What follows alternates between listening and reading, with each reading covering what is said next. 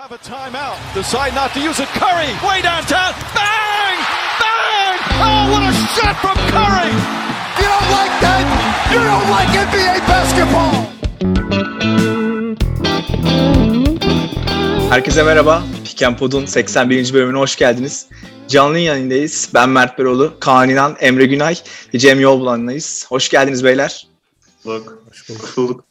Umarım iyisinizdir. Sezon öncesi maçlar başladı. Ondan keyifler yerindedir. Ee, birkaç merak ettiğimiz takımı da izleme fırsatımız oldu. Bugün Atlantik grubunu konuşacağız. Yani NBA'nin en çekişmeli grubu diyebiliriz neredeyse herhalde Pasifik'le beraber. Yoğun bir gündemimiz var. Ee, başlamadan önce ama hatırlatmamızı yapalım. Bizi Pick and Pod adresinden takip edebilirsiniz Twitter'da ve YouTube kanalımıza abone olabilirsiniz. Ee, genel olarak takımları New York, Toronto, Boston, Brooklyn Sixers hepsini konuşacağız. Ee, arada sorularınız varsa onları da chatten yazarsanız onları da cevaplamaya çalışırız. Ee, program öncesi gelen soruları da not ettik. Onlara da yer vermeye çalışacağız. Ee, dilerseniz başlayalım beyler. New York'la başlayacağız. Ee, ben yavaş ben bir giriş yapayım. Ondan sonra size topu atarım.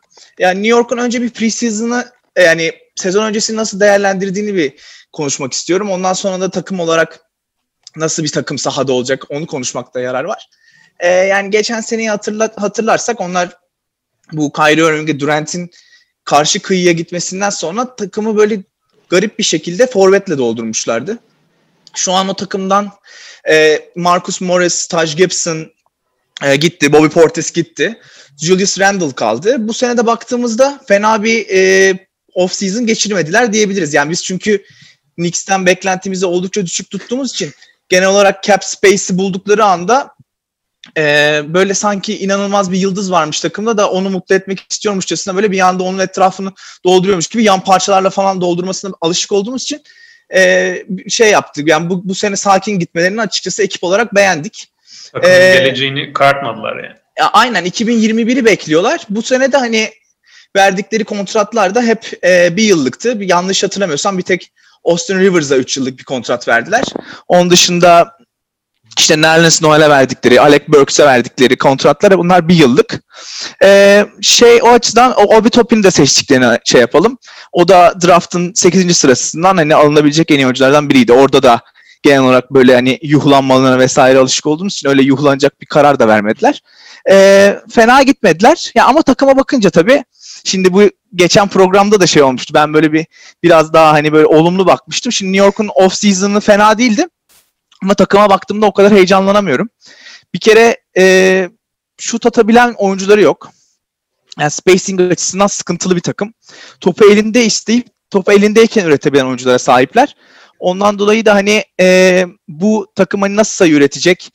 E, şu an hani ekranda gördüğünüz 5'le de üretmesi zor. Bench'ten gelecek oyuncularla da üretmesi zor. Yani takımın temel oyuncusu RJ Barrett'la e, genel olarak Mitchell Robinson gözüküyor. Obi Toppin'den de tabii beklentiler var. E, ama hani RJ Barrett'ın şutunu henüz geliştirmemiş olması alan açma açısından sıkıntısını gösteriyor. E, keza Obi Toppin de rookie olduğu için pozisyonuna göre biraz güçsüz kalabilir. Hani orada bence hani rotasyonda fena oyuncular yok. Yani tek tek baktığımızda yani Nilikina işte ne bileyim Nerlens Noel e, gene yani Alfred Payton bunlar fena oyuncular değil ama e, sahaya koyduğunuzda hani çok bir şey üreteceğiniz üreteceğini beklediğimiz oyuncular değil.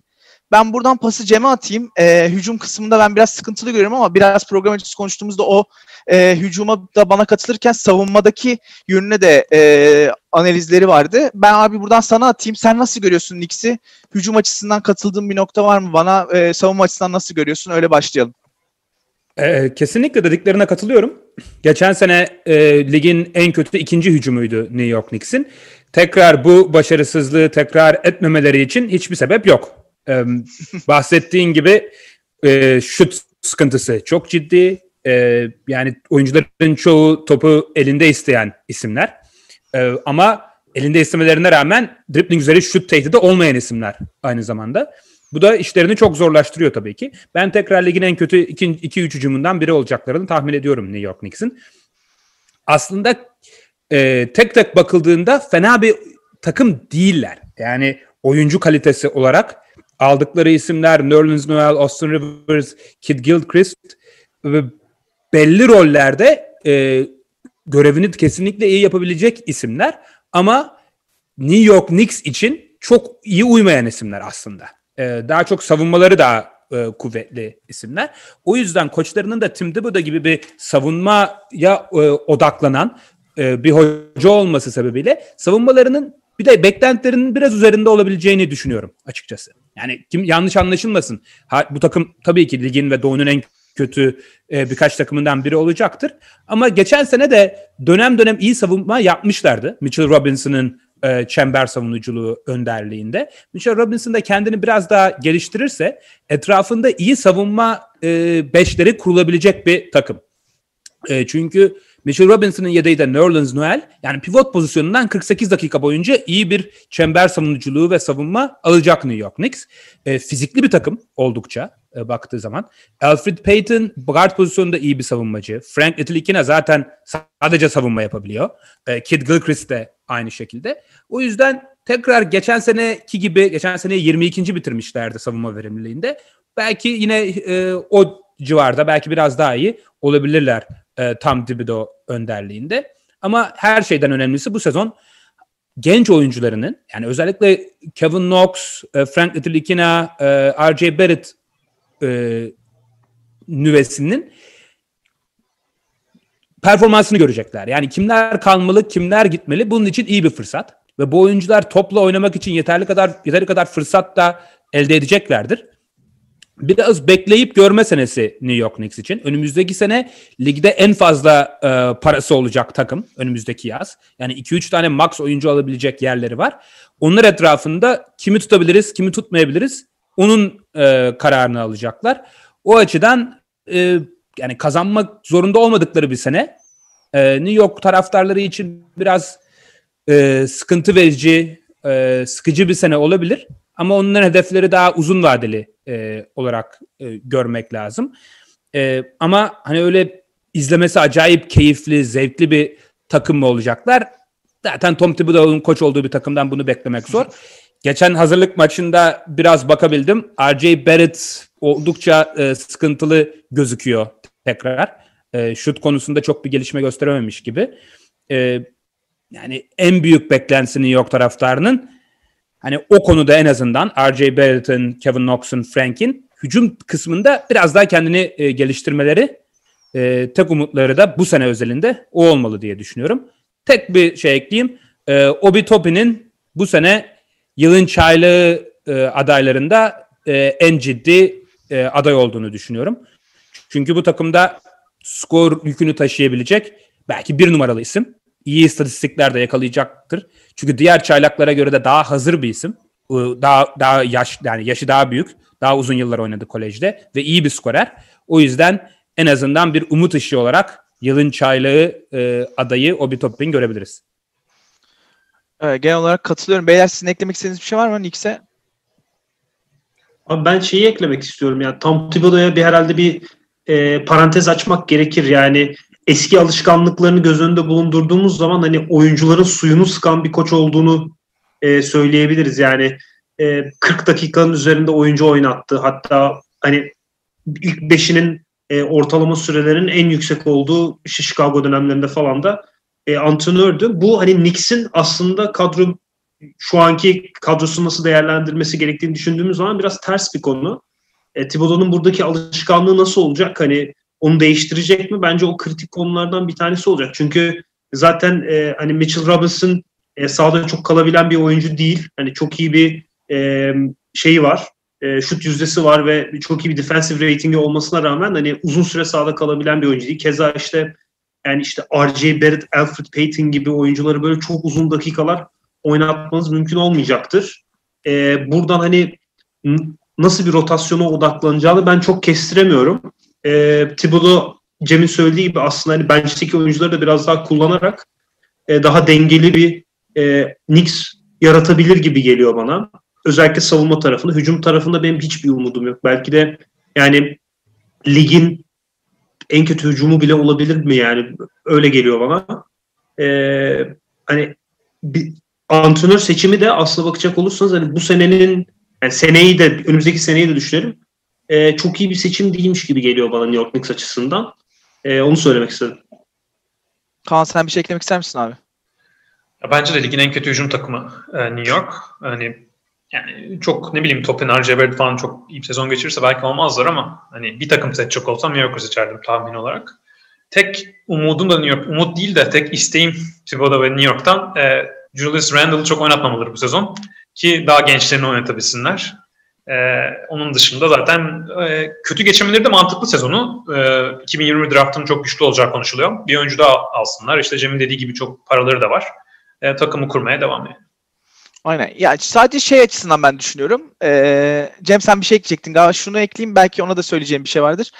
Ee, ya mesela Brooklyn de mesela çok kötü sezon geçirme ihtimali varken geçirmeyip e, genç oyuncuları parlatıp sonra Irving ve Durant'i ikna etme şansı yakaladı. Clippers da keza mesela playoff'a bile girmeyeceği bir takım varken o takımla playoff'u zorlayıp sonrasında Paul George'la Kawhi'nin belki oraya gelmesini ikna etme şansı yakaladı. Suns keza Bubble'daki performansı yapmayabilirdi. Yaparak Chris Paul'un gelmesini sağladı. Ondan dolayı New York'un bence genel olarak motivasyonu eğer yani draft güçlü olduğu için drafta yönelmek olabilir ama e, biraz da bence bu yan parçaları e, oldukça iyi göstermeye çalışmaları lazım ki gelecek yıldızların da biz iki kişi gelsek bile bu takıma yetmeyiz. Ama bak bu takımda şu şu şu var.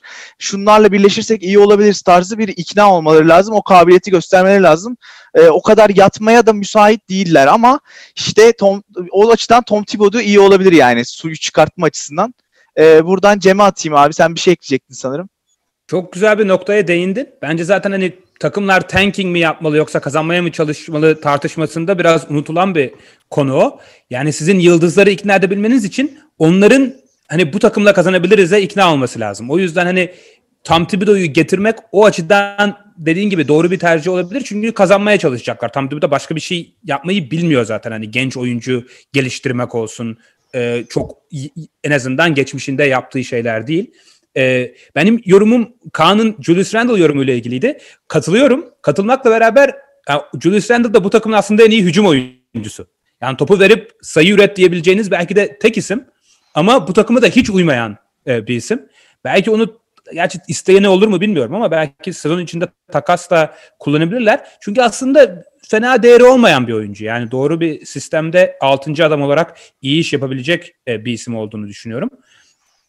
E, ama yani Tom Thibodeau'yu iyi tercih dedik ama bilmiyorum siz ne düşünüyorsunuz? Biraz vakti geçmiş bir e, koç gibi de geliyor bana. Yani Tom Thibodeau'yu böyle zamanında savunma devrimcisi, ustası yapan on, onun savunma ustası olmasının sebebi zamanında kimsenin yapmadığı savunma rotasyonlarını ve tercihlerini yapmasıydı. Özellikle Boston'daki e, yardımcı koçluğu döneminde. Şimdi artık lig o o kadar gelişti ki yani işte zayıf taraftan yardım getirmek olsun, e, e, zamanında yapılmayan savunma rotasyonları şimdi herkesin ezbere bildiği şeyler oldu. O yüzden Tom Thibodeau'nun böyle New York savunmasının çehresini inanılmaz değiştirecek bir e, isim olduğu da e, tartışılır.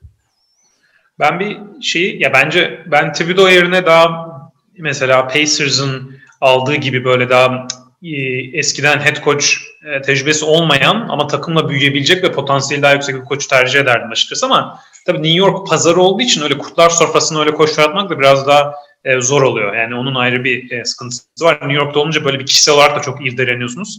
O açıdan belki daha hani bilinen bir koçu almak açısından olabilir. Bence yani yan parçaları parlatmak açısından bu takımda çok parlatacak bir yan parça da yok yani. Öyle bir e, hani Randall falan okey ama Randall da böyle üst seviye bir takımda çok çok büyük rolde oynayacak bir oyun tipi de değil yani. Daha hani 6. 7. adam bence öyle bir şampiyonluk seviyesinde bir takıma e, gitse. Hani şeyi de unutmayalım mesela Boston Celtics'te yüksek draft seçimini e, Ray Allen'la takaslayıp ondan sonra Kevin Garnett almıştı 2000'lerin sonunda. O yüzden yüksek draft seçimi de yıldız çekmek için de kullanabilecek bir e, bir durum. Yani özellikle çok parlak bir oyuncu alırsanız o ya da çok parlak bir oyuncu alabilecek bir seçim sırasına sahipseniz e, siz mesela ne bileyim bir oyuncuyu ikna edip imzalayıp e, bir pikinizi draft edip başka bir oyuncu da alabilirsiniz. Yani o yüzden e, ben bu takımın değeri nasıl daha fazla olabilir diye düşünürsem bu bu sene yüksek seçimleri bence bana daha mantıklı geliyor. Yani. Evet. Yani şey soru chatte bir soru gelmiş. E, Julius Randle'ın değerini nasıl görüyorsunuz diye. Yani açıkçası e, hala istikrarlı bir şutunun olmaması ve e, pozisyonuna göre herhangi bir hem kendi sav- pozisyonu savunamaması hem kendinden kısa hem kendinden uzun hiçbir so- pozisyon savunamaması nedeniyle e, bir türlü bizim beklediğimiz oyuncuya evrilemedi bence. Ben o açıdan çok bir beklentim yok açıkçası. Bilmiyorum siz ne düşünüyorsunuz?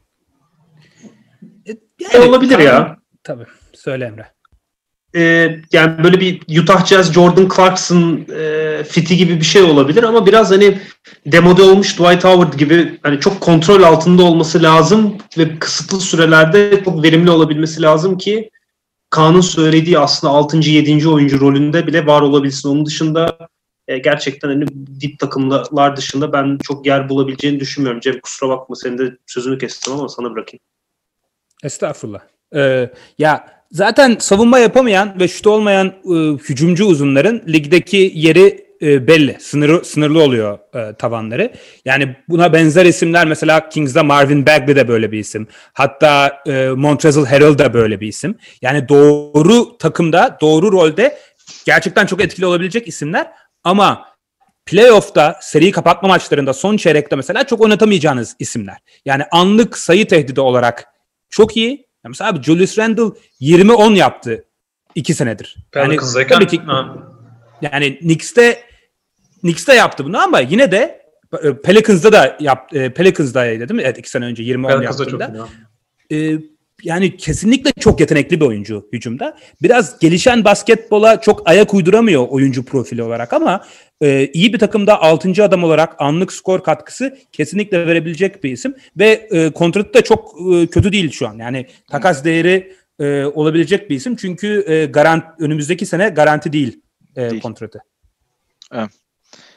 Var mı beyler eklemek istediğiniz bir şey yoksa Knicks'i yavaştan kapatalım mı artık? Kapatabiliriz. Bence Tamam. tamam. Tamam. Ee, evet. Tampa Raptors'a geçeceğiz.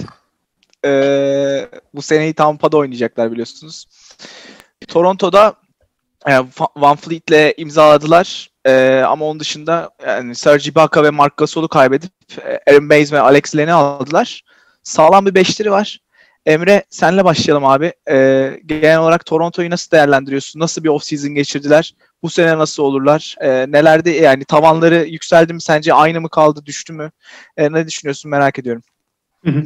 Ya abi şöyle e, şimdi Sergi Ibaka ve Marc Gasol'ü kaybettiler ve kağıt üstünde aslına bakacak olursam biraz daha geriye gitmiş gibi gözüküyorlar ama e, yani isim listesinin ötesinde bence oyun olarak e, çok geriye gitmediler diye düşünüyorum ben. Çünkü burada e, yani işte hala Chris Boucher gibi e, Norman Powell gibi Alex Len gibi yani center pozisyonunda e, senin oynatabileceğin e, oyuncular olacak. Burada iki tane kritik konu var. Birincisi e, Pascal Siakam'ın yani geçen sezona nasıl başladığını hatırlıyoruz. E, ondan sonra bir sakatlık geçirdi ve ondan e, o sakatlıktan sonra aslında e, çok da iyi dönemedi ve e, playofflarda da o e, hani top hem yani bitirici ve top yönlendirici rolünden biraz uzakta kalmıştı. E, Siakam nasıl yani o bir e, hani o formu tekrar yakalayabilecek mi yoksa o gelip geçici bir şey miydi? E, bence kritik konulardan bir tanesi bu. E, bir ikincisi de hani artık Kyle Lowry gerçekten e, 35 yaşına geldi E, ve genel olarak da yani çok hani size'lı olmamasına rağmen fiziksel oynayan bir oyuncu. Yani ligde en fazla e, hücum faal alan oyunculardan bir tanesi mesela. Yani All-Star maçında bile hatırlıyorsunuz e, kendini yıpratan bir oyuncudan bahsediyoruz. E, onun e, bu yani şimdi Toronto her her maçı bir kere sezon içerisinde hani böyle maç maç e, çözmeye çalışacaktır. Nick Nurse'un zaten genel yaklaşım bu. E, Kyle Lowry artık bu kadar crunch bir e, şeyde e, tempoda diyelim.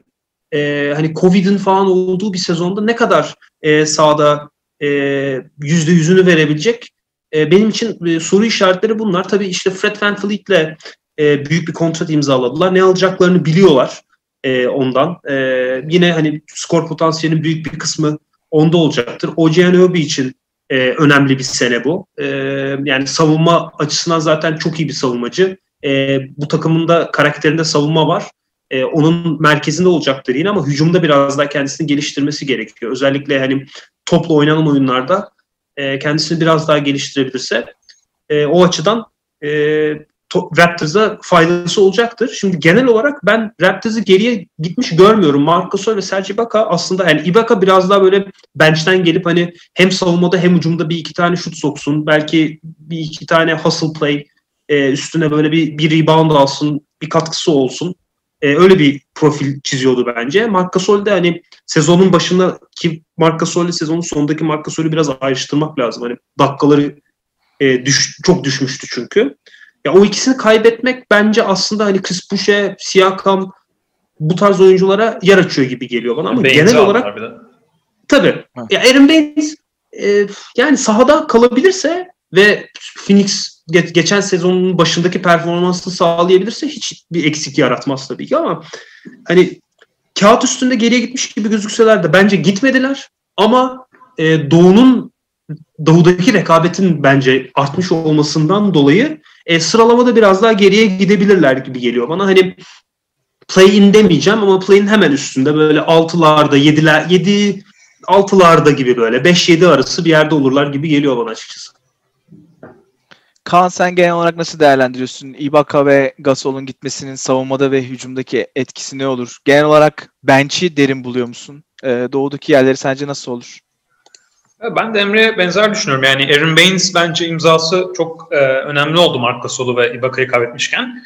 E, Baines'in tek sıkıntısı tabii onu da yeşillerdikçe e, sahada kalması. Yani çok sakat bir sezon geçirmezse, yani böyle 70 maçta 50 falan oynayabilirse e, çok bir sıkıntı yaşayacaklarını düşünmüyorum.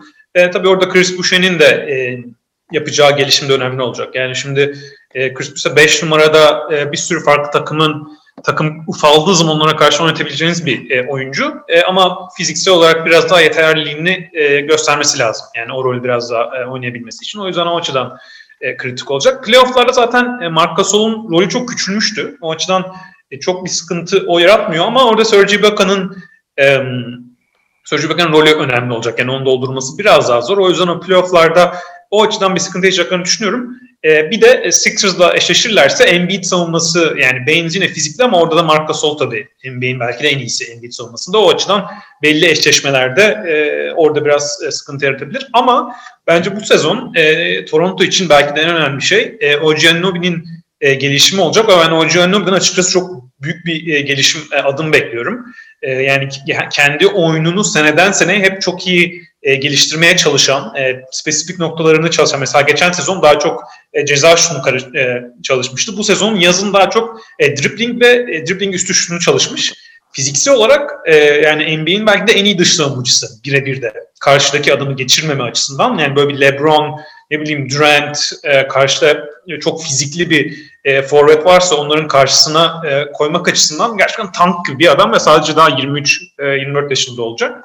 E, ben hücumunu da bu sene geliştirip e, en çok gelişme gösteren oyuncu adaylarının başında geliyor açıkçası onun lobi. Yani geçen sezon e, 10 sayı ortalama yapmıştı. Onu 15'in üstüne e, çıkarılır diye düşünüyorum. Ve sadece sayıdan öte hani skor bulma opsiyonlarını biraz daha geliştirebilecek diye düşünüyorum. E, ben Vliet de hep oyununa koyan bir oyuncu. Onu da geçen sezonun seviyesinin belki biraz daha iyisi görebiliriz. E, Van Vliet ve e, Anunobi hücumda alacakları sorumlulukları geçtikçe e, Siakam'ın rolü de daha rahatlayacak. Yani geçen sezon e, playofflarda e, Siakam'ın sıkıntısı biraz kendi hünerlerinin üstünde bir e, rol e, bilmesiydi. O açıdan bence Anunobi'nin gelişmesi Siakam'ı da e, çok rahatlatır. E, orada kritik noktada Emre'nin belirttiği gibi Kyle Lowry'nin en azından benzer bir seviyede e, kalabilmesi. Yani sezona bakacak olursam Kyle Lowry benzer bir seviyede kalırsa e, Anunoby'nin gösterdiği gelişimle ben de Emre'ye katılıyorum. Geçen seneden çok bir e, düşüş olacağını e, düşünmüyorum. Hani ne bileyim Sixers'la eşleşirlerse geçen sene göre daha kötü olabilirler. Ama genel e, anlamda daha geriye gideceklerini çok düşünmüyorum ben de. E, bir de son olarak e, Terence Davis de geçen sene çok ilginç bir e, çaylak sezonu geçirmişti. E, bu sezon onun da biraz daha e, rolü artabilir ve o da çok e, yetenekli bir oyuncu yani iyi de katkı yapabilen bir oyuncu. Hani zaten kadrolar o açıdan e, bench'ten girebilecek. İşte Norman Powell var, DeAndre e, Bembry var e, kanat rotasyonlarında hani oynatabilecekleri bir sürü e, oyuncu var o açıdan. Çok bir sıkıntı yaşayacaklarını sanmıyorum. Bir de tabii ki bunu belirtmek lazım. Bence ligin en iyi e, koşuna sahipler şu anda. E, Nick Nurse'u geçen sene e, playofflarda gördük yani. Hem hem takım için e, alt planı çok iyi olan bir koç, takımın e, rollerini çok iyi benimseyen ya da Nick Nurse'un hep e, izlerseniz maç önceki videolarını e, çok e, bu execution tarafını öne çıkaran bir takım. Yani roller belli ve oralar nasıl yapılacak her oyuncu hani bir, bir, bir köşeye nasıl bir köşeye gideceksiniz öte o köşeye nasıl gideceksiniz ne zaman gideceksiniz e, kime perde koyacaksınız bunun ezberini çok yani ezberden öte bunları oyunculara çok e, özümseten bir koç ve karşı takıma göre de çok iyi hazırlanan bir koç. E, büyük bir avantaj olduğunu düşünüyorum e, bu, bu takım için Nick Nurse'un. Devam edecek o şekilde. Doğudaki yer açısından da hani diğer Nets'in tabii ki Kevin Durant'in durumuna bağlı. Ben Sixers'da daha güçlü görüyorum. E, onlarla birlikte e, aynı aynı kategoride ama playofflarda bu hani star power dediğimiz yani yıldız oyuncunun gücü açısından hala onlardan e, bir adım geride olan bir takım olduğu için playofflar geldiğinde yine bence en üst favorilerden onları zor bu şekilde. Evet. Ya ben de katılıyorum sana genel olarak. Bence Ibaka ve Gasol'un gitmesi e, Toronto çok iyi bir savunma takımıydı. E, onu biraz etkileyebilir ama bence Baines'le orayı kapatabilirler. Chris Boucher'in gelişimi de önemli olacak. E, hücumda da benzer bir performans sergilediğini düşünüyorum. Oradaki en büyük artıları da işte dediğin gibi Nick Nurse gibi bir koça sahip olmaları. Tabii ama hangi Siakam'ı izleyeceğimiz de önemli. Hani inanılmaz bir normal sezondan sonra Bubble'da biraz bocalayan bir Siakam görmüştük. E, orada da hangi Siakam'ın genel olarak e, hem yıl içerisinde hem de playoff'larda olacağını e, şu an kestiremiyoruz ama hani ben açıkçası normal sezona yakın bir Ibaka göreceğimizi ve Bubble'ın biraz olsun, biraz da kötü bir istisna olduğunu düşünüyorum. E, genel olarak o, o yönde bir trendin ol, oluşacağını düşünmüyorum. Cem sana döneyim abi. Genel olarak Toronto ile ilgili eklemek istediğin bir şey var mı? Ee, sence nasıl bir sezon bekliyor onları? Beni ye- yemeye çalışanlar mı var bilmiyorum. Bir Cem'e yedirtmeyiz diye Cem'i yedirtmeyiz diye bir muhabbet dönüyor. Ee, YouTube'da ee, ama chatte. Herkese buradan selam gönderiyorum. Yok o böyle bir anda gelişti abi böyle bir saman alevi gibi. evet bilemiyorum. Neyse. E, ya genel hatlarıyla katılıyorum Emre ve Kan'ın dediklerine tabii ki. Özellikle playoff'larda e, tavan performansları açısından ben de geçen seneye göre daha e, biraz daha düşüş yaşayabileceklerini düşünüyorum ama şunu unutmamak lazım. Geçen sene bu takım e, çok uzun süre Doğu birinciliğini kovaladı. Yani 60 galibiyet hızındaydı e, bu takım. Yani her zaman sahip olduğu oyuncu profili ve kalitesinin daha üzerinde oynayan bir takım. Bu koçları Dwayne Casey varken de öyleydi. Nick Nurse gel- geldiğinden beri daha da e, üst seviyeye çıktı bu. O yüzden ben normal sezonda mesela Emre 5-7 e, arası e, gibi demişti. Ben daha çok onları mesela 2-6 e, arası gibi görüyorum ya daha çok. Normal sezonda çünkü hep yani onların en büyük eksiği olan yarı sahada hücumun eksiklerinin çok e, sahaya yansımadığını görüyoruz normal sezonda. Çünkü açık sahada çok etkili bir takım Toronto. E, Lowry çok e, hızlı oynayabilen, Van Fleet, Siakam, e, fast çok hızlı çıkabilen bir takım. O yüzden normal sezonda hücum eksiklikleri çok göze çarpmayabilir. Savunmada zaten her türlü bu ligin en iyi e, 4-5 takımından biri olacaklardır. Bu da otomatikman bence onları Doğu'nun üst yarısı, e, playoff yarısı, yarışının üst sıralarına e, atar diye düşünüyorum. E, benim en çok merak ettiğim konu açıkçası bu sezonu Tampa'da geçirecek olmaları. E, Toronto e, çok büyük, kozmopolit ve e, güzel bir şehir. Oradan sonra bu oyuncuları ailelerinden uzak ve Toronto'ya da oldukça uzak bir şehir olan Florida'nın Tampa şehrinde geçirecek olmaları onların psikolojilerini, mental yapılarını nasıl etkiler merak ediyorum. Çünkü diğer 29 takımın hepsi aileleriyle beraber olacaklar. Raptors ise çok uzun bir süre e, otelde yaşayacak Tampa'da. Yani hatta bir Hem otelin herhalde e, galiba bir otelin konferans salonunu antrenman tesisine çevirmişler mesela. Yani bu bubble'dayken o herkesin hani geçici bir durum olduğu için daha kabul edebileceği bir durumken hani herkes normal hayatını yaşıyorken biz Tampa'da Tampa'da öyle çok ahım şahım bir şehir e, değildir yani. E, o yüzden o nasıl etkileyecek takımı e, merak ediyorum açıkçası. Ama onun dışında hani oldukça istikrarlı, sağlam ve e, savunmaları e, güçlü bir takım izleyeceğiz. Ama e, playofflarda geçen seneki kadar iddialı olamayacakları konusunda Kaan ve Emre'ye katılıyorum. Evet genel olarak benzer düşünüyoruz. Yani sıralama değişebilir ama bir alışkanlık e, takımı olduğunda yani yıllardır aynı takımın bir arada oynaması sebebiyle de biraz daha belki önlere koyabilirim ben de. Buradan Boston'a geçeceğiz beyler. E, genel olarak e, 2020 draftında da oldukça 3 e, e, yani üç seçim hakları vardı. Onları kullandılar. Onun dışında Gordon Hayward'la da gündemdelerdi. E, şeyi konuşmak lazım bence. Ben bir başlayayım oradan topu size atacağım. E, Kemba sezona sakat başlıyor. E, takımın Kemba'dan sonraki en önemli top yönlendirici oyuncusu olan Gordon Hayward'ı Charlotte'a gittiği kontratı beğenin beğenmeyin. Ama Celtics'in planlarında olduğunu düşünüyorduk takas olmadığı ihtimalde. E, Charlotte'a Charlotte'a gitti. Bir top yönlendiriciyi de oradan kaybettiler. E, ve bu sezonun da bir Covid sezonu ve genel olarak e, oyuncuların eğer Covid çıkarlarsa tabi olacakları protokollerin zorluğunu düşünerek değerlendirmemiz lazım. E, NBA'in geçen sezon en iyi hücum ve en iyi savunma takımlarından biriydi. İkisini de aynı anda en iyi yapan takımlardan biriydi.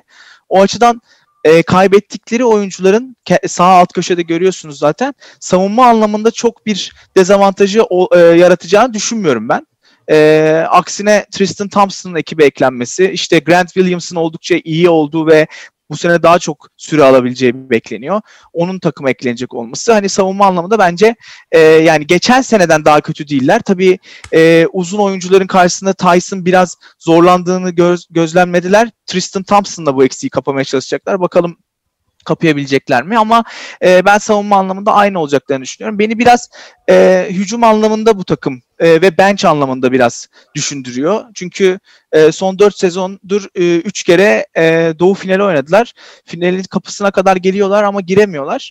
E, bu sene de e, benzer yerlerde olacaklar ama hep şeylerde takıl playoff'larda takıldıklarında e, bir hücum gücü bir hücum silahının daha olmasını arıyorlardı. Bu sene bence o anlamda en önemli şey e, Tatum ve Jalen Brown'un gelişimi olacak. Çünkü başka bir oyuncu gelmedi. E, bir de Hayward'ı kaybettiler. Orada işte hani Jeff Teague eklemesi konuşuldu. Ee, yani ne kadar olabilir? Daha iyi birini alabilirler miydi? O konuda ne düşünüyorsunuz? Siz de merak ediyorum. Ee, yani Jeff Teague biraz ilk adımıyla e, yıllarca kariyerinde iş yapmıştı. Ama ilk adımı yavaşlamış bir Jeff, Jeff Teague ne kadar katkı verebilir? İşte bench'ten gelecek oyuncuların hepsi neredeyse çaylak. Ee, yani Aaron Smith oldukça iyi bir şütör. Robert, Robert Williams e, yıllardır bu dördüncü yıl olacak galiba NBA'deki veya üçüncü yılı bekliyoruz. E, potansiyelli bir oyuncu ama hani e, daha bir şey çok bir şey göremedik. Romeo Langford genellikle Tyler Harrow'dan önce seçilmesiyle anıldı. O da e, kolejde aslında iyiydi ama geçen sene sakatlıklarla boğuştu. Ondan o da biraz kara kutu. O açıdan ben e, savunma anlamında benzer e, ama hücum anlamında biraz zorlanacak ve daralmış bir Celtics görüyorum e, potansiyeli Tatum ve Jalen Brown'un olduğu bir takım olması sebebiyle oldukça yüksek. Onlar hala bir adım daha atabilecek yaştalar. Ondan dolayı o ikisinin de iyi bir sezon geçirdiği noktada Gordon Hayward'ı veya bench'ten gelecek bir adamı da arayamayabilirler. E, ama işte e, üzerlik, üzerlerindeki yükü azaltacak bir hamle yapmamaları da biraz ve Kemba'nın da sakat giriyor olması bana biraz onlar açısından biraz şüphe uyandırdı. Şüphe dediğim hani böyle aş- çok aşağılara koymuyorum. Bence Doğu'nun gene en büyük favorilerinden birileri ama e, işte o Doğu Doğu finaline doğru gittikleri noktada e, o son adımı atabilecek durumdalar mı yoksa gene kapıdan mı dönecekler? E, o noktada biraz e, şüpheliyim. Buradan topu e, Emre'ye atayım abi. Boston'la ilgili sen ne düşünüyorsun? Sence off season nasıl geçti? Bu sene nasıl bir Boston izleriz? E, abi ben yani ana çatılar olarak aslında söylediğin şeylerin e, neredeyse hepsine katılıyorum. Biraz daha hani böyle parçalara ayırmak gerekirse şeyi düşünüyorum. Yani Gordon Hayward'ın hani özellikle playoff'un bir kısmını kaçırdığını düşünürsek, e, sezonun da ilk başını kaçırdığını düşünürsek, e, hani hücumda top yönlendirmek adına evet gerçekten e, çok önemli bir oyuncu. Ama e, hani en büyük sıkıntılarından biri Boston'ın bu şimdi şu an ilk 5'te gördüğün 5'i say. E, bir de Gordon Hayward'ı say. Aslında hepsini bir arada sahada barındıramıyor olmasıydı. E, Gordon Hayward'ın e, gitmesi hücum olarak bir ya top yönlendirme açısından bir eksi olsa bile e, savunma tarafında bir eksi değil gibi geliyor bana ve e, aslında şimdi Tatum ve Jalen Brown'da bir adım atma ihtimali olduğunu hala iki, herhalde hepimiz en fikirizdir o konuda.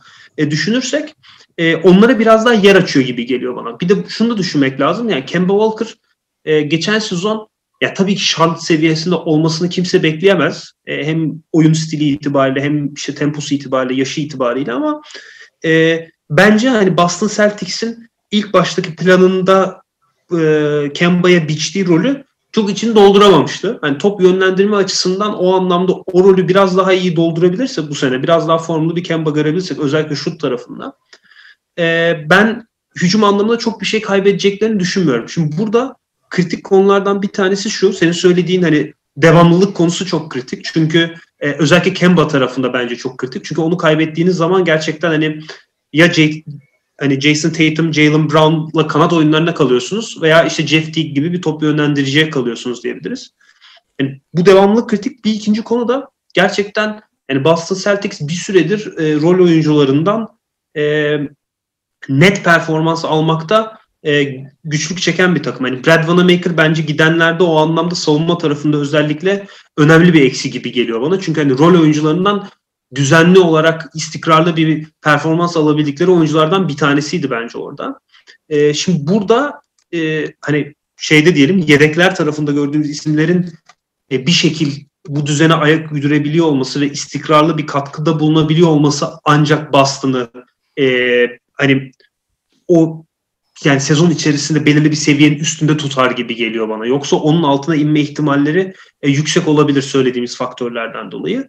Bir konuda hani e, bence zaten Boston Celtics kesinlikle hani Doğu Konferans finali net adayı. E, burada hani sizin için kritik olan konulardan bir tanesi pot altı savunması. Belki de işte Philadelphia karşınıza gelirse Embiid savunması diyebiliriz. Orada hani Tristan Thompson bir alternatif e, olacak gibi gözüküyor ama onun dışında hani şey konuşmak lazım biraz belki e, Cem'le Kaan bahseder hani bir e, trade exception var.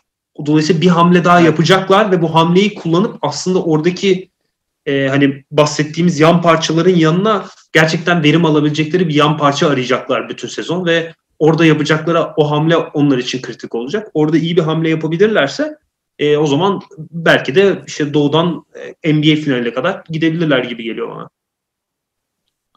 Bakalım. E, buradan aslında Emre biraz bahsetti. E, trade exception'a geçelim. Gordon Hayward'ı trade et, ettiklerinden sonra 27,5 e, 27 milyon sanırım trade exception aldılar.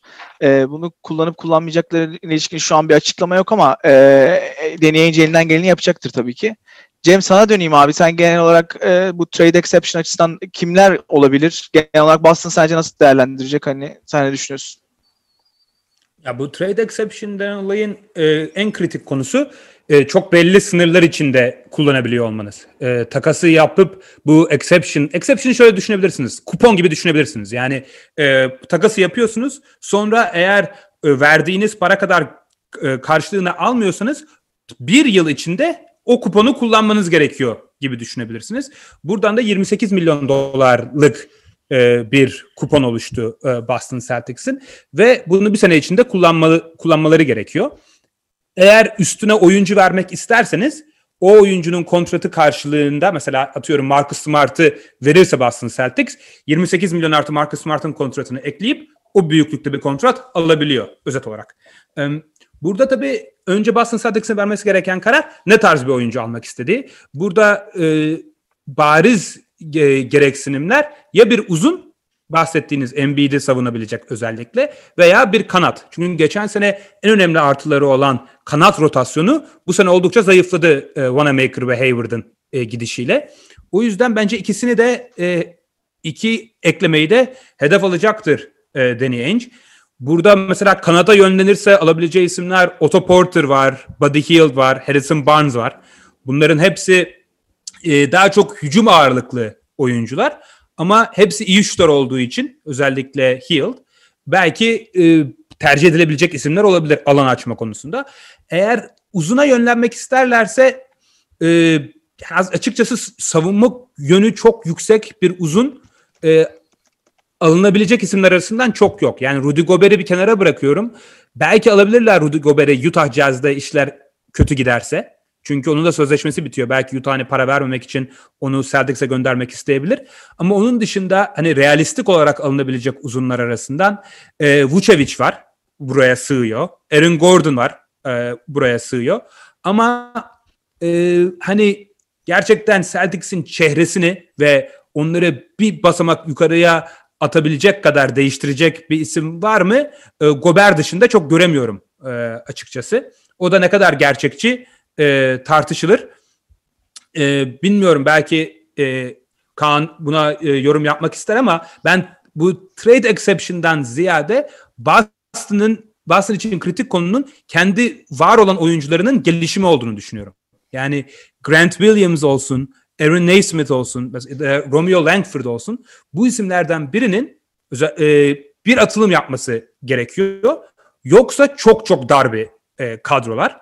Ve Covid sezonunda bu ciddi bir dezavantaj olabilir. Yani Toronto'ya söylediğimin aslında tam tersini e, düşünüyorum Boston için. Normal sezonda ciddi sıkıntılar yaşayabilirler. Ama playoff'a geldiklerinde rotasyonlar daraldığında o 5-6 oyuncusu çok çok iyi olduğu için Boston'ın e, tavanları biraz daha yüksek Toronto'ya göre. Ama normal sezonu Campbell'ın da maç kaçıracağını varsayarsak e, ciddi sıkıntılar olabilir eğer kendi oyuncularından ciddi gelişim görmezlerse.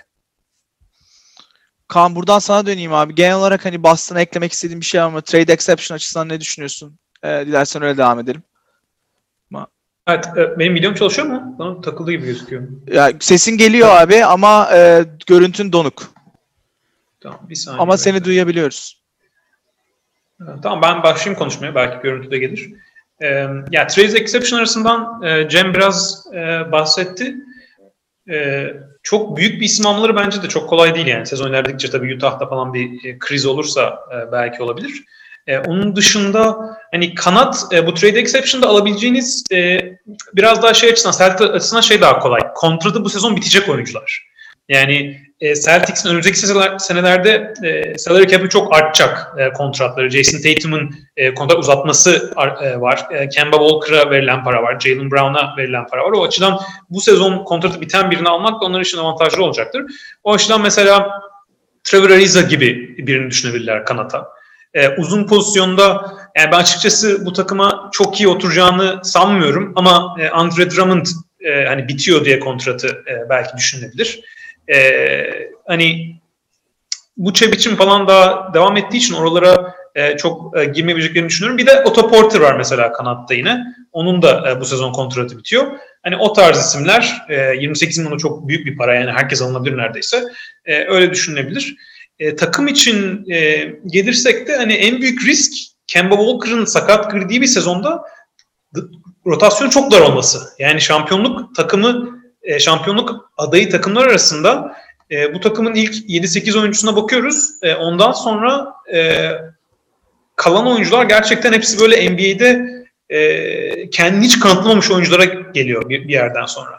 Yani mesela guard rotasyonunda bakıyoruz işte Aaron Naismith, Çaylak, Peyton Pritchard, e, Çaylak, Carson Edwards pek oynamamış bir oyuncu. Bir Jeff Teague var. O da işte ne kadar e, katkı verebilecek e, bu yaşında. E, pivot pozisyonda Thompson var. E, ama onun dışında bir anda Robert Williams Ocala'ya e, düşüyorsunuz, uzun olarak. Yani Kemba'nın sakat olduğu bir sakatlığı sürerse sezon boyunca gerçekten bir rotasyon sıkıntısı çekebilirler. O da normal sezonda onları biraz etkileyebilir düşünüyorum. O taraftaki avantajları da hani Toronto'da bundan bahsetmiştik.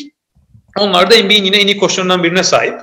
E, Brad Stevens. Brad Stevens'ın olması da bu yan parçalardan çok daha fazla e, alabileceklerini e, gösteriyor. Playoff'lar geldiğinde de hani Tatum ve e, Jalen Brown'un oyunu e, bahsettiğimiz gibi e, çok önemli olacak. E, Tatum'un ben bir şeyinden bahsetmek istiyorum. Geçen sezon e, attığı o büyük adımda e, çok önemli bir nokta e, şeydi. Yani dribbling üstü e, yüzde 40'la üçlük attı maç başına 4 yani 4-5 tane üçlük kullanıp.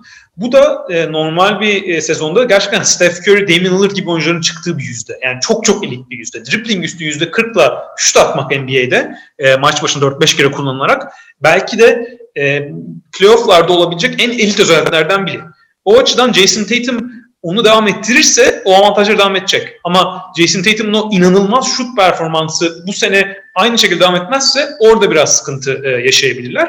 Tabii ki Tatum'un şut şutunun üstüne içeriden bitirmesini hala geliştirebilecek bir e, yolu var. E, drive'ını e, iyileştirmesi, orta mesafeden floater atışlarını onların hepsini iyileştirebilecek tarafı olduğu için şutu aynı seviyede yani şutu kötüleşecek demiyorum. Sadece %40 o kadar inanılmaz bir yüzde ki dribbling üstünde. Yani bunu normal üçlükle karıştırmamak lazım. E, catch şutta top pas geldikten sonra atmak ayrı bir şey. Dribbling üstü %40 atmak çok ayrı bir şey.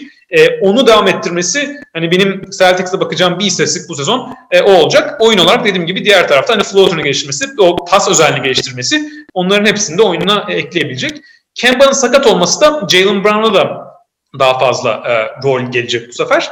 E, onun da o rolü doldurabileceğine ben inanıyorum açıkçası. Geçen sezon e, geçen sezon çok iyi bir kafa yapısına girdi. Kyrie Irving'le çok problem yaşadığını biliyorduk bir önceki sezon. Geçen sezon tam rolüne oturan şeyleri yaptı. Bu sezon rolü geliştikçe e, o da o rolünün e, ona verilen sorumluluk e, geliştikçe e, pas dağıtımını biraz daha oyun kurumunu e, geliştirebileceğini düşünüyorum Jalen Brown'un da. Evet.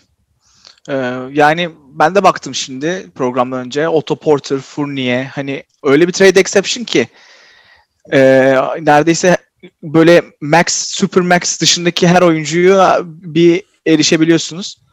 Bakalım Boston nasıl kullanacak? Kullanamama ihtimalini de göz önünde bulundurmak lazım.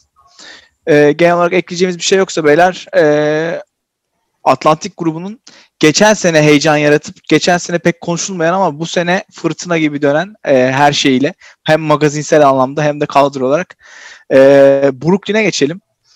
E, daha dün e, Kyrie Irving ile e, Kevin Durant'in inst- Instagram chatte topu nasıl kullanacaklarına dair yaptıkları konuşma gene e, e, oldukça e, değişikti. Onu hani Bizi ne bekliyor Brooklyn açısından? Gerçekten ben de çok merak ediyorum. Cem e, senle başlayalım abi. Yani Brooklyn'i nasıl görüyorsun? Takım sence ne durumda? Genel olarak bu iki yıldızın e, tavanı oldukça yüksek olmakla beraber sence nasıl girecekler sezona? Nasıl devam edecek? E, merak ediyorum ne düşündüğünü. Evet. E, öncelikle e, Kaan'ın bilgisayarında teknolojik problemler olduğu için slaytları e, yansıtamıyoruz. O yüzden e, özür diliyoruz ama e, yani zaten Brooklyn Nets bu yazın en çok konuşulan takımlarından biriydi. Bu yaz yaptığı hamlelerle değil, geçen yaz yaptığı hamlelerle daha çok. E, beklentimiz Kyrie Irving, e, Caris LeVert, Joe Harris, Kevin Durant ve DeAndre Jordan'ın olduğu bir beş. Bench'ten de Spencer Dinwiddie, Jared Allen, Landry Shamet, Jeff Green, Bruce Brown gibi isimler var. Daha saymadığımız hatta Torian Prince, e, Torian Prince, Luavo Cabarro gibi isimler de var. Çok derin bir kadro gerçekten. Ee, yani ciddi dakika alabilecek NBA'de rotasyon oyuncusu e, seviyesinde çok oyuncu var. Ve böyle bir sezon için bu çok değerli. Bundan bahsetmiştik. Ve çok çok potansiyelli bir takım. Ne kadar e, Steve Nash gibi çaylak bir hoca olsa da başlarında e, yardımcıları çok tecrübeli e, Steve Nash'in. E, Jack Vaughn geçen sene e, koçluk yaptı bu takıma e, onun işin savunma kısmında olacağı, Mike, Tan D'Antoni'nin de işin hücum kısmında sorumlu asistan koç olacağı söyleniyor. Mike D'Antoni zaten NBA'de hücum denince akla gelen bir numaralı e, koç belki de. Ve elinde yani müthiş bir hücum potansiyeli var. Bence bu takım ligin en iyi hücumu olma e, potansiyeli ciddi bir şekilde olan bir e, takım. Çünkü Kyrie Irving ve Kevin Durant gibi ligin belki de en iyi iki izolasyon birebir hücumcusunun yanında Joe Harris gibi bu ligin en iyi e, şütörlerinden biri var. Onun yanında topla çok etkili olabilecek e, Dinwiddie ve Levert gibi iki isimleri de e, bulunuyor. Buradan çok e, etkili bir e, hücum çıkabilir. Hatta yani takımda işler rayına tam oturmasa bile işin ilk kısmında, sezonun ilk kısmında Kyrie ile Kevin Durant sadece bir sen bir ben e, birebir oynayalım dese bile bu takım inanılmaz bir hücum olur. Yani bu, bu isimler o kadar etkili e, hücum silahları. O yüzden o konuda bir sıkıntı yaşanacağını e, düşünmüyorum. Hatta Durant ile Kyrie bench'teyken bile ya da Kevin Durant back to back'lerin ikinci maçında oynamasa bile e, sazı eline alabilecek Karis Levert ve Dinwiddie var. Onlar önderliğinde bu takım e, gayet iyiydi e, geçtiğimiz sezon. Bunu da unutmamak lazım. Ancak tabii işin savunma kısmında o kadar e, iddialı olması zor bu takımın. Hamle yapmadığı takdirde. Aslında Bruce Brown ve Jeff Green gibi işin o tarafında e, yardımcı olabilecek isimler aldılar. Ama DeAndre Jordan eski DeAndre Jordan değil. Yani e, All-NBA pivotu e, DeAndre Jordan her şeyi bloklayabilen DeAndre Jordan değil şu an. O yüzden savunmalarının ben e, vasatın altında kalmasını bekliyorum e, bu sezon. O yüzden yani özellikle Kevin Durant'in de sakatlık dönüşü e, savunmasının bir iki adım geri gitmiş olacağını varsayıyorum. Çünkü bu tarz uzun sakatlıklardan sonra e, yıldız oyuncular daha çok işin e, hücum kısmına e, daha çok yoğunlaşıp savunmada biraz daha rölantide e, gidebiliyorlar özellikle normal sezonda. Benim de beklentim e, bu yönde. Ama bence bu takım ligin en iyi tavanlarından birine sahip. Yani şampiyonluk e, ihtimalleri ciddi seviyede var. Ama şampiyonluk adayları arasından da tabanı e, en düşük takımda e, olabilir. Çünkü çok ciddi dağılma potansiyelleri var. Yani bundan e, zaten NBA'yi iyi kötü takip eden herkes Kyrie Irving'in ve Kevin Durant'in ne kadar nevi şahsına münhasır e, oyuncular olduklarını e, biliyorlardır. O yüzden işlerin yolunda gitmediği ve oyuncuların ve koçun e, kimya problemleri yaşadığı ve takımın birbirine girdiği bir senaryoda e, görebiliriz. O yüzden kestirilmesi e, en zor takımlardan biri. Ama benim de bu sebepten dolayı en dört gözle e, beklediğim takımların başında geliyor.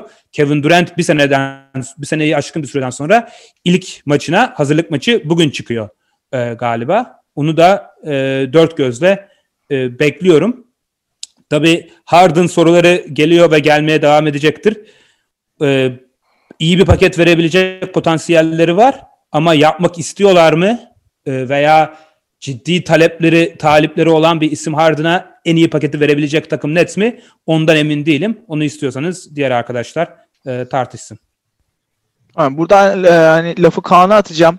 Genel olarak hani Kevin Durant'in daha fazla 5 oynadığı bir düzen görebiliriz. Öyle olursa zaten bu iki oyuncuyu bence e, en iyi kullanabilecekleri şekilde doldurdular bench'i. Zaten, zaten hali hazırda çok iyi oyuncuları vardı. Kaan sen genel olarak hani hem hücum hem savunma anlamında nasıl bir Brooklyn bekliyorsun? E, ne düşünüyorsun? Hani Harden takası açısından da değinmek istediğin bir şey varsa ona da girebilirsin istersen. E, buradan lafı sana atayım. Tabii. Ee, ben galiba yine donuğum. Ee, özür dileyim bir izleyicilerden. Ee, yani şeye katılıyorum. Şimdi Kevin Durant çok iyi gözüküyor diyorlar. Yani çok ciddi bir sakatlıktan dönüyor tabii ki ama e, hem, hem oyun stili olarak da düşünürsek, fiziğini de e, düşünürsek hücumda e, çok geri adım atmayacağı atmayacak gibi gözüküyor şu anda tam olarak bilemezsek de. E, hücumda çok geri adım atmazsa e, Kevin Durant yani normal bildiğimiz Kevin Durant'ın %85-90'ında e, dönerse bu takım bence de Cem'in dediği gibi e, hücum açısından NBA'nin en iyi e, 2-3 takımdan biri e, olacaktır. Hani oralarda ne bileyim geçen sene Dallas, e, Clippers falan vardı. E, o seviyelerde olacağını ben de düşünüyorum. E, tabii oradaki bir Kevin Durant'in sakatlığı e, dışında da e, bir e, risk e, Kyrie ve Kevin Durant'in kimyası, Steve Nash'ın burada e, ne yapacağı. Belki izleyicilerimiz görmüştür. Geçen dün müydü, bir önceki gün müydü böyle bir Instagram e, live e, Aynen, dün. videosu vardı. Kevin Durant ve Kyrie'nin işte Kyrie şey diyor ben maç başına e, iki buçuk post mı yapsam, sekiz post yapsam daha mı iyi falan diyor. Kevin Durant böyle ne diyeceğini bilemiyor. Yazık. İşte Kyrie öyle yaparsan biraz takım... Ben bir önceki hayatımda sendim falan diye inanılmaz garip açıklamalar vardı gene abi orada. Ya ben, ben yine biraz daha açıklamanın normal tarafını söyledim basketbol salonu dediğin gibi. ben işte ben önceki hayatımda senin gibi iki ondum şut atardım falan diyor. Kevin Durant biz böyle anlaşmamıştık falan diyor. Çocuğu gibi davranıyor Kyrie. Abi adamın yüz falan düş felaket düşüyor zaten. Zaten Durant da öyle mimiklerini çok iyi kontrol eden bir adam değil ama ne diyeceğini de bilemiyor. Kyrie yapma işte iki ya konuşuruz sonra yine konuşuruz falan diyor. Baya e, baya komik bir videoydu. Yani hani tabii öyle öyle konuşmalar olabilir yani. Bu oyuncular da çok hani dediğimiz gibi çok gerçekten çok farklı karakterler. Sıkıntı çıkacak diye illaki bir şey yok ama hani öyle bir risk olduğunu da e, söylemek lazım. Ama genel anlamda hani Kyrie ve Kevin Durant oyun açısından çok iyi. Yani birbirine çok iyi uymaktan e, öte yani üst, onun üstüne bitiricilik konusunda emin en iyi iki oyuncusu belki de pozisyonları kendi pozisyonlarında.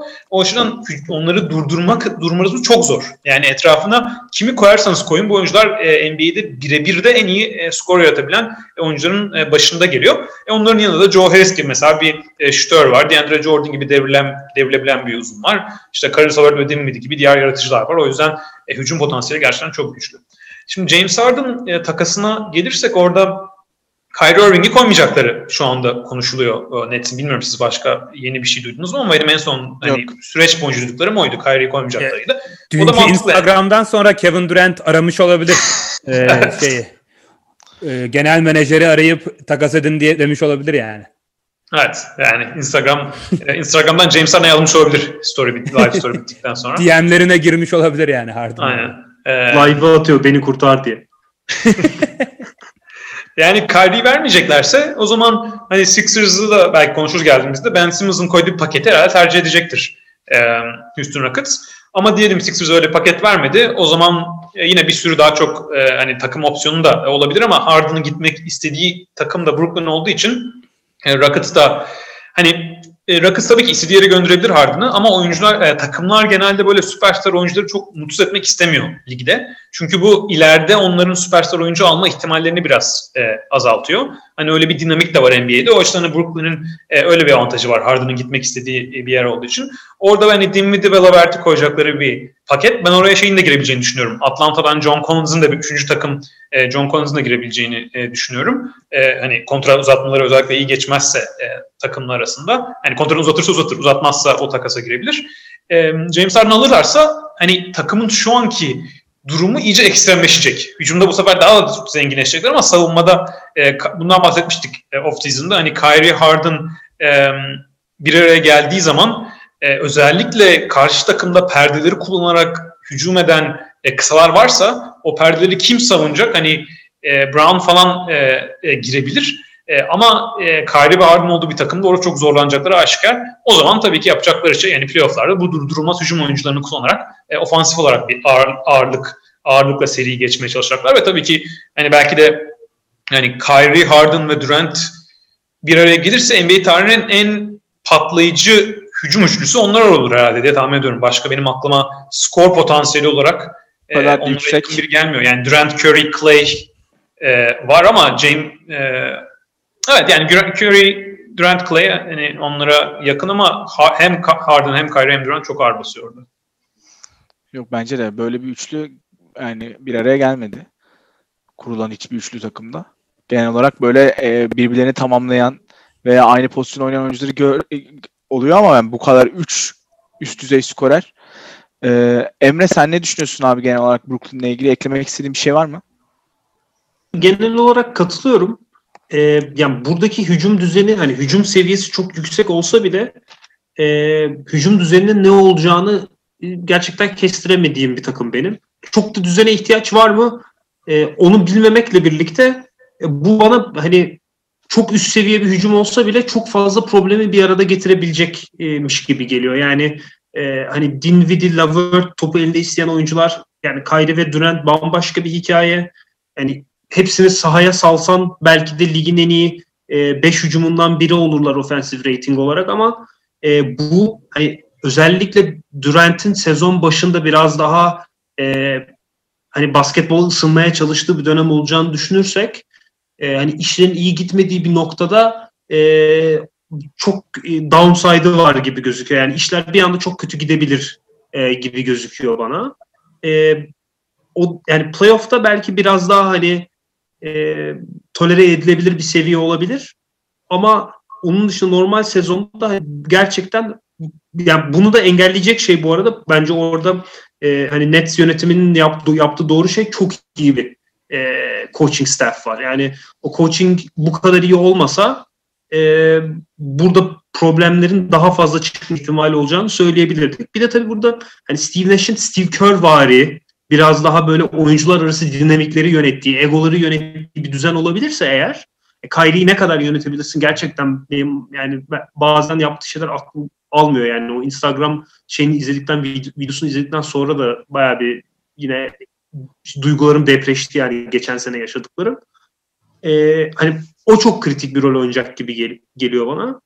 Bir de aklıma şey geldi yani konuşurken hani Kyrie'yi Houston'a göndersen Harden için e, Houston da çok güzel bir cümbüş olur yani John Wall, Kyrie falan orası da müthiş karışır. Ah. Yok. Ya ben e, açıkçası şey açısından ilk beşlerinin çok iyi olduğunu düşünüyorum. Ya e, Durant'in 5 oynadığı, onun etrafına Dinwiddie, Lavert, Irving, e, Kyrie Irving ve e, Joe Harrison olduğu şeyde e, chatte de konuşuluyor. Hani Jared Allen'ın alacağı süre açısından.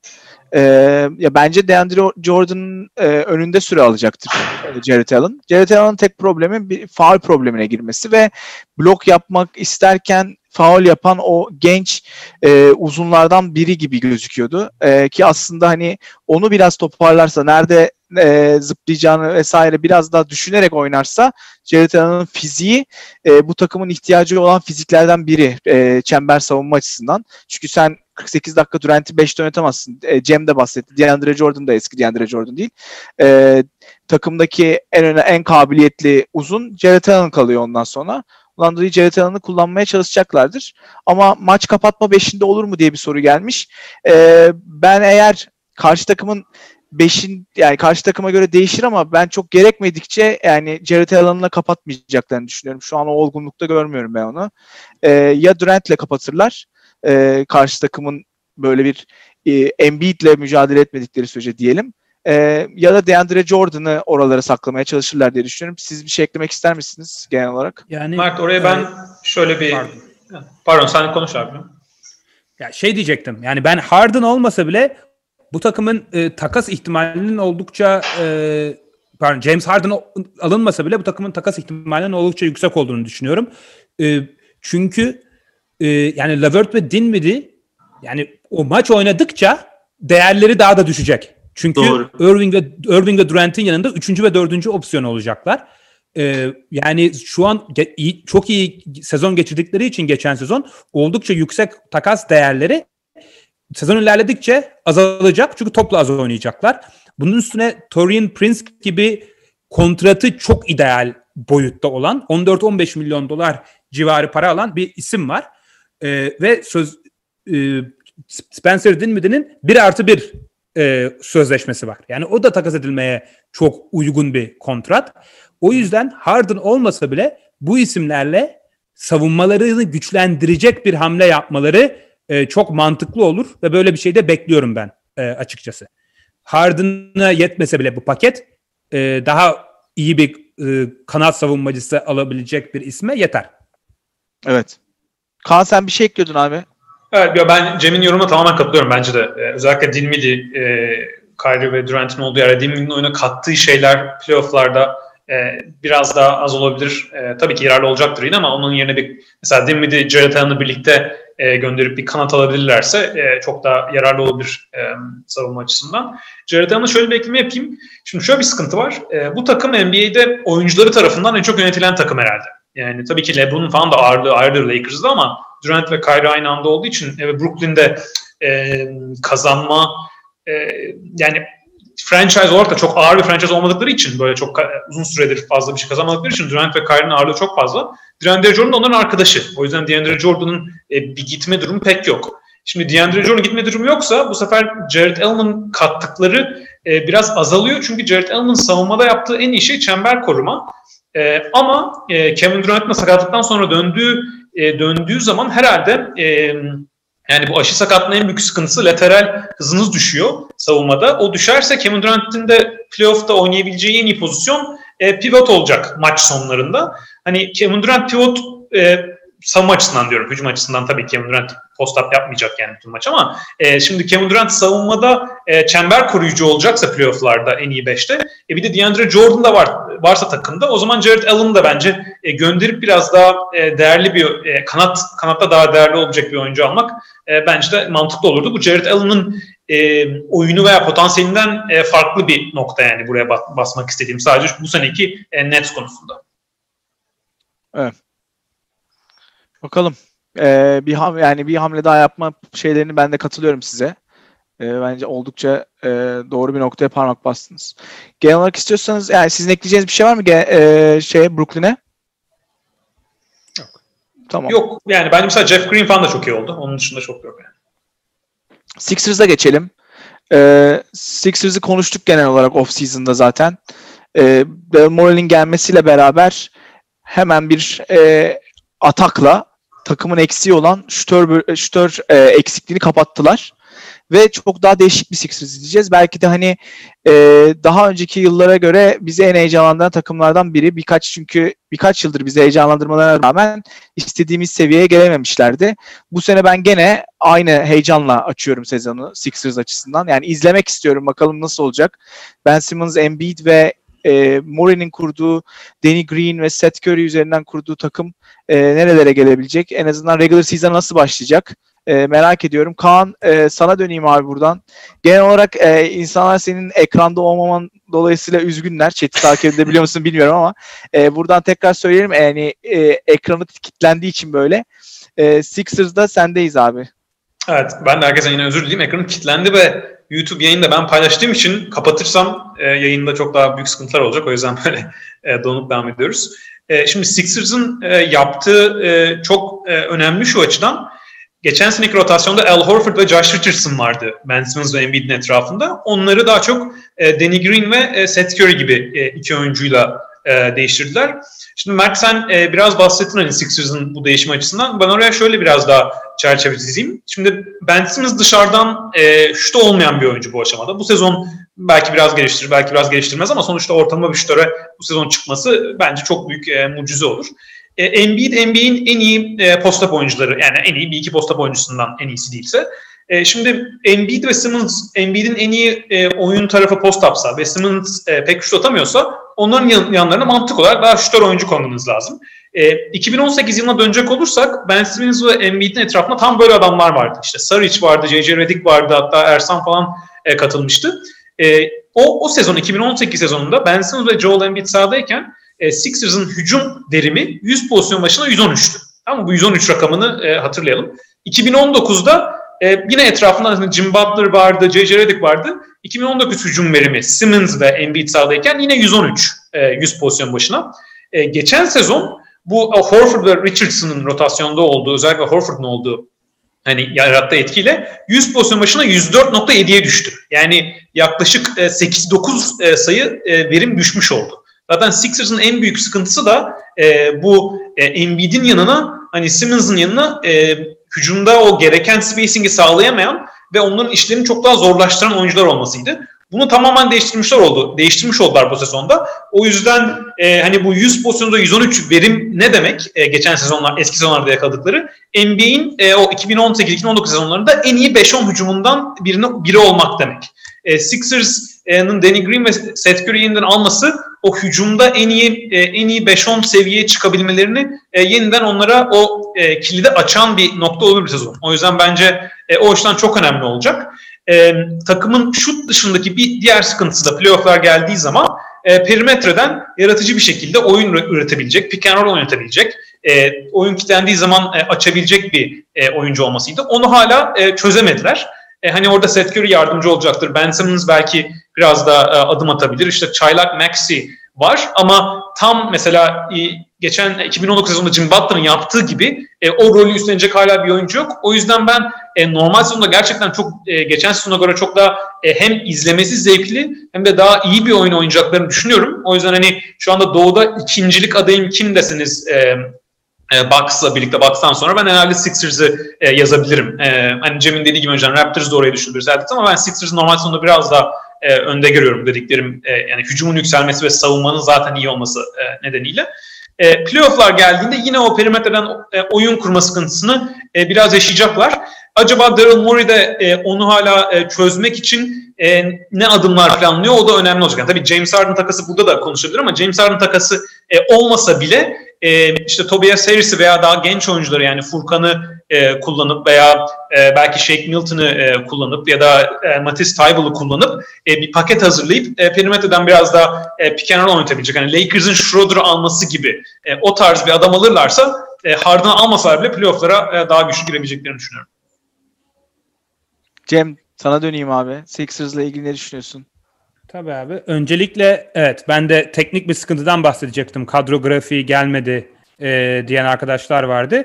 E, kusura bakmayın o yüzden e, yansıtamıyoruz ama ilk beşinin hani üzerinden geçelim. Seth Curry, Danny Green, Tobias Harris, Ben Simmons ve Joel Embiid olması e, bekleniyor bu takımın. Bench'inden de daha çok genç ağırlıklı e, bir ekip var. Shake Milton, Furkan Korkmaz, Matisse Tybal, Tyrese Maxey özelinde. Yedek uzun olarak da Dwight Howard eklemesi gelmişti. E, hatırlayacaksınızdır. E, Kaan'a katılıyorum. Geçen seneye göre kesinlikle çok daha birbirine iyi uyan bir e, ekip var. En azından mantık olarak yani pek bir şey bilmeseniz bile biraz basketboldan anlayan her insan ne der? Simmons'ı Embiid üzerine e, etrafını şutörle doldurmak, topa ihtiyacı olmayan isimlerle doldurmak lazım der. Daryl Morey de gelir gelmez bunu yaptı zaten. Ve çok da iyi e, yaptı. Belki birebir değer olarak mesela Josh Richardson Seth Curry'den daha değerli bir oyuncu olabilir. Daha iyi bir oyuncu olabilir. Ama Seth Curry e, Sixers'a çok daha iyi uyan bir isim kesinlikle. O yüzden özellikle işin hücum kısmında geçen seneden daha iyi olmaları e, beklenebilir. E, geçen sene ligin en iyi 12. hücumu vardı. Ama orada gelişseler bile bu sezon gerçekten e, hücumda çok iyi olması beklenen e, takımlar var. Geçen senenin üzerine koyan mesela e, Brooklyn Nets'ten bahsettik, Atlanta'dan bahsettik. Yani Doğu'nun da geliştiğini e, düşünürsek hani takım geçen seneden iyi olsa bile Doğu sıralamasında geçen senenin üzerinde olamayabilir e, gibime geliyor. E, ben yine çok merakla beklediğim takımların e, başında geliyor e, Sixers. Ama yani ben hala Simmons ve Embiid'in beraber o, oyun sahada olabileceği konusunda ikna olmadım. Kaan'ın bahsettiği gibi iki sene önce oldukça başarılı e, hücum takımları da sahaya sürmüş olsalar bile e, ben ikisinin uyumunu e, çok beğenmiyorum. Bundan, bunun da bir numaralı sebebi Ben Simmons'ın yarı sahada gerçekten çok etkisiz bir hücum oyuncusu olması. Yani hep e, daha çok e, yoğunlaşılan konu Ben Simmons'ın şut atması. Yani üçlük atıp atmaması veya orta mesafeyi e, deneyip denememesi üzerinden konuşuluyor.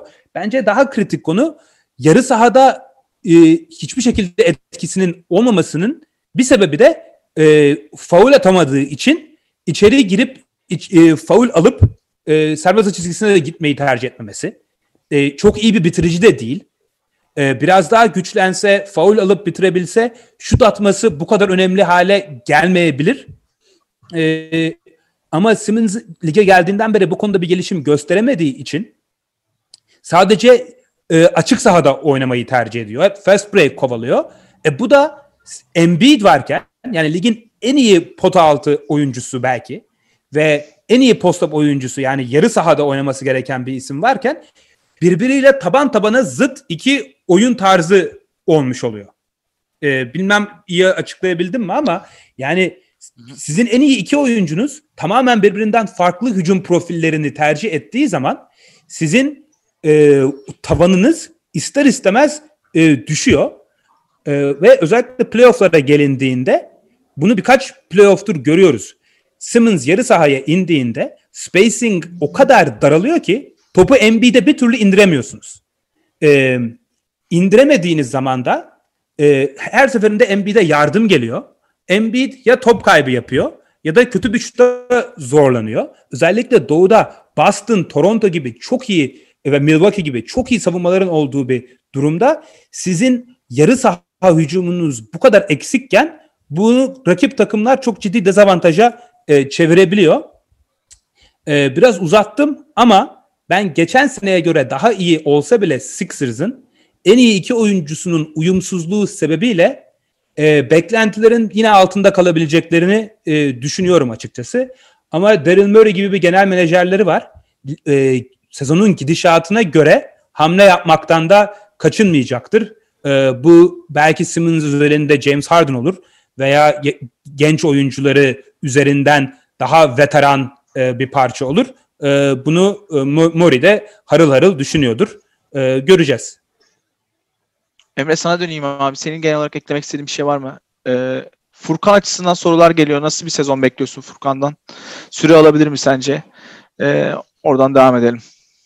Ee, ya ben Cem ve Kaan'ın söylediği çoğu şeye katılıyorum. Furkan'a e, bir şey açarım, parantez açarım abi.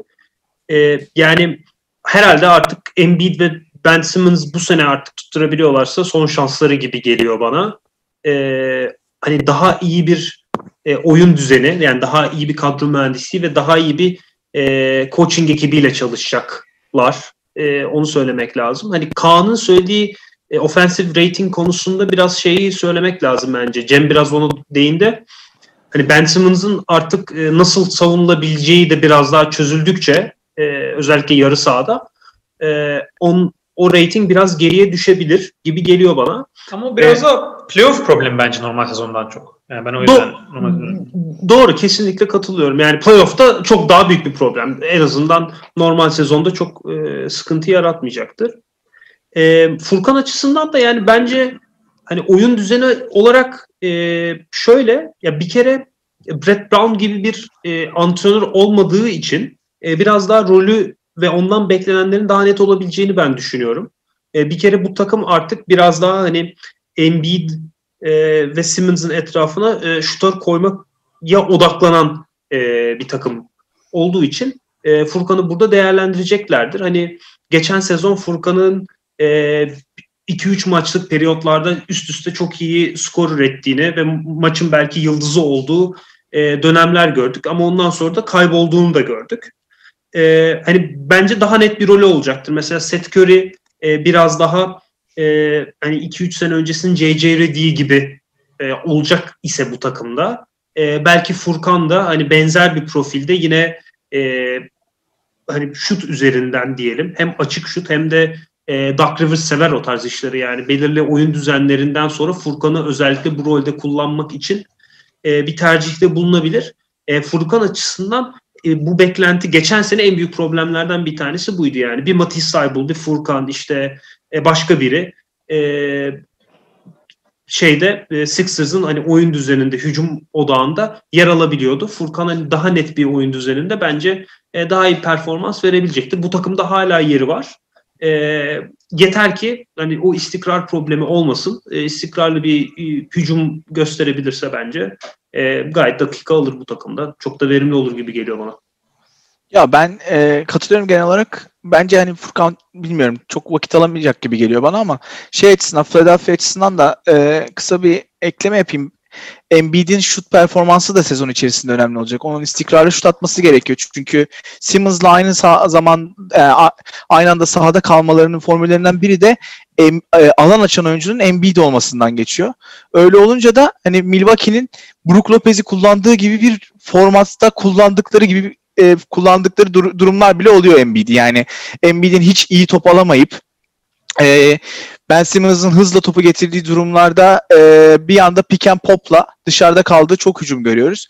Orada da mesela Embiid'in e, şut tercihleri veya e, genel olarak e, şutunun iyi olmadığı günlerde de şutunu çok zorladığı günler gördük.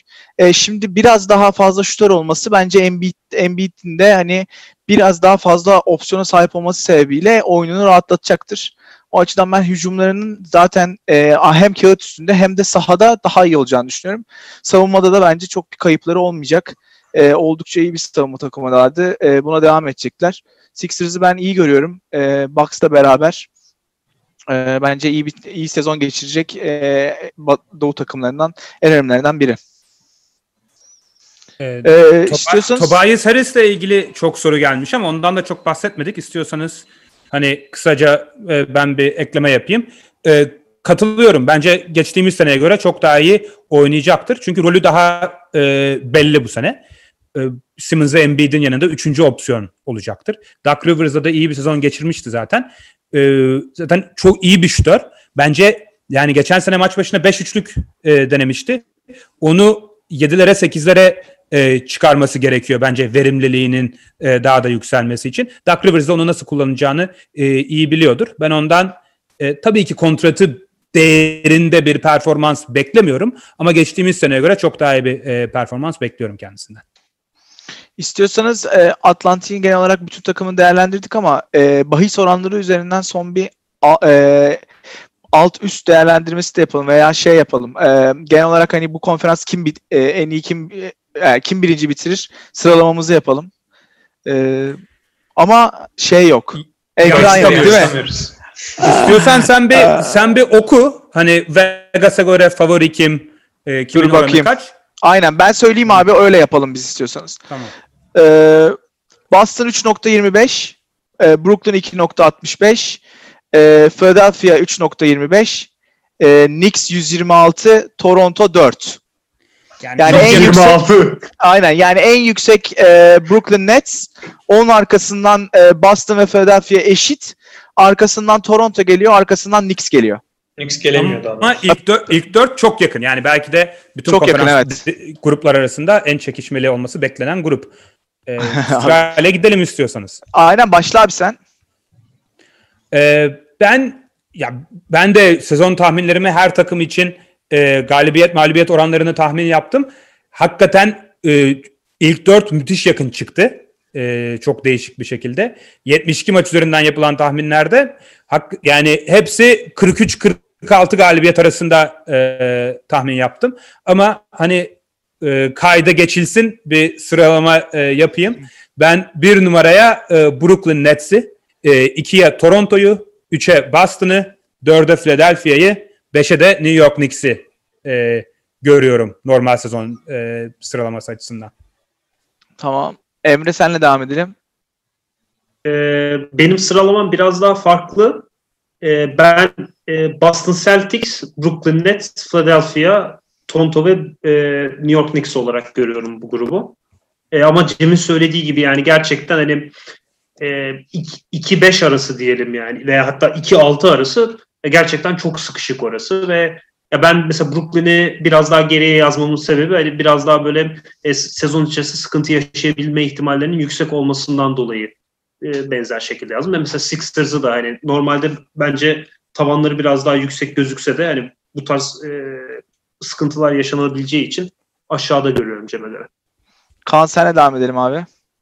Ee, ben de galiba ikinizden de farklı olacak şimdi düşünüyorum. Ee, ama tabii hepimizin dediği gibi çok yakın olduğu zaman sıralama biraz değişebiliyor. Ee, ben bir de normal sezonda e, Sixers'ı e, görüyorum bu e, grupta. İki e, Toronto, üç e, Brooklyn, dört Celtics, e, beş e, New York derim. Ama ilk dört hani hep birbirine yakın olacak dedik. E, Brooklyn açısından da hani daha yukarı koymayı düşünüyordum aslında ama Kevin Durant'in iyi döneceğini düşün, düşünüyor olsam da bir belirsizlik oldu gerçek. O yüzden o belirsizlik yüzünden e, bir hani 2-3 galibiyet e, kırdım e, beklenti olarak. O yüzden oraya yerleştiler. Ben de e, 1 Sixers, 2 Toronto, 3 Brooklyn, 4 Boston, 5 Knicks dedim. Kaan senle aynı mı olduk? Aynı Sizin oldu. ikiniz aynı Aynen. oldunuz evet. Aynen. Ee, ben de benzer düşünüyorum. Yani Sixers'ın Daryl Morey ile beraber çok iyi gireceğini düşünerek Boston'ın da konuştuğumuz gibi dar rotasyon ve Covid sezonu olması sebebiyle biraz daha maç kaçıran oyuncular sebebiyle daha az galibiyet alma ihtimali var gibi geliyor. Ee, Brooklyn'in tavanı çok yüksek. Toronto'da yıllardır aynı takımla oynuyorlar. Ee, oldukça sağlam bir beşli var. Bu sebeple öyle seçtim. Ee, ama dediğimiz gibi kadar- yani. Şu ana kadar en ayrıştığımız takım ekip olarak Sixers olmuş olabilir o zaman. Sen Ama Ne kaça kadar koymuştun? yakın görsek de.